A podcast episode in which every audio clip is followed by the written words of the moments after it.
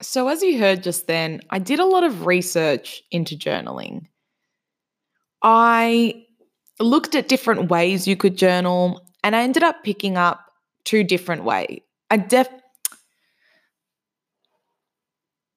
that came from a video diary entry of me starting out the whole journaling. Uh, that was a that was a video diary entry of me starting this whole journey. That was a video diary entry of when I started this whole journaling experiment. After I looked into it, read about it, and listened to a whole bunch of podcasts about the benefits of journaling, I ended up picking two different ways to journal. The first being gratitude journaling using a thing called the five minute journal. And the second being a Q&A style. This was the one that I'm going to concentrate on during this podcast episode. And this is the thing that honestly landed me here and kind of changed my life. I know that sounds super dramatic, and trust me, nobody is more surprised that I'm saying this than me.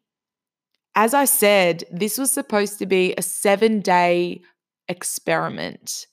It was a seven day challenge to create what I thought would be some hilarious content. I went into it joking around not taking it seriously. And I thought in the end I'd be taking the piss out of it. I always thought of journaling as this dear diary kind of thing.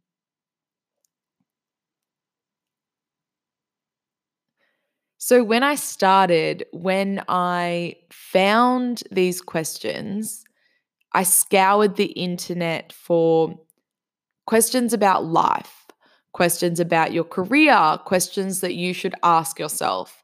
And I ended up with nine. You're probably going to want to know what these nine questions are. So here they are.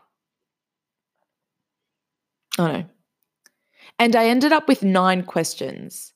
Nine questions that would change the way I see the world, the way I see myself, and would lead me to take one of the biggest leaps of my life.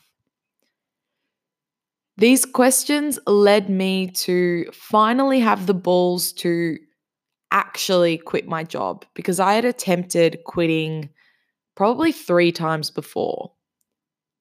And it led me to leave home and move my ass to South America sitting here now in an apartment in Valparaiso, looking over out at my incredible view.